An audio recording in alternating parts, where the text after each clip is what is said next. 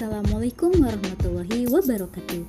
Kembali lagi bersama saya Irma Yunisi Peserta Latsar Angkatan 28 Kelompok 4 Kali ini saya akan memaparkan materi tugas Learning Journal Agenda 2 mengenai nilai-nilai aneka.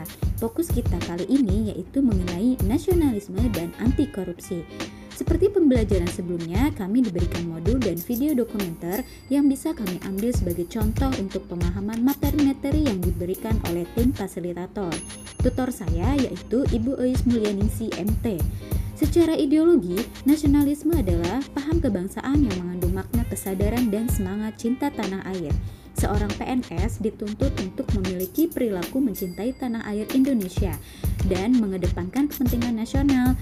Nasionalisme itu merupakan salah satu perwujudan dari fungsi PNS sebagai perkat dan pemersatu bangsa dalam menjalankan tugas sebagai seorang ASN senantiasa harus mengutamakan dan mementingkan persatuan dan kesatuan bangsa dalam metode pembelajaran asinkronus yang saya pelajari yaitu melihat film dokumenter yang diperankan oleh Bapak Satya di mana beliau adalah seorang guru SD yang berada di perbatasan Indonesia dan Malaysia.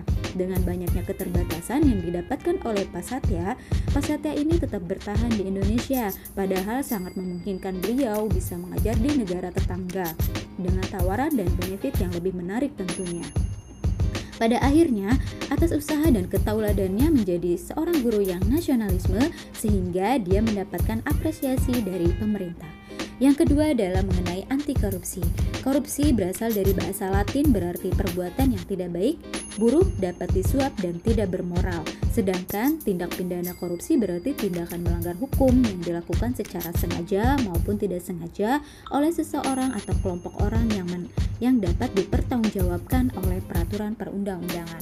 Anti korupsi dapat diidentifikasikan ke dalam sembilan nilai, yaitu pertama, kejujuran, kepedulian, kemandirian, kedisiplinan, tanggung jawab, kerja keras, kesederhanaan, keberanian, dan keadilan.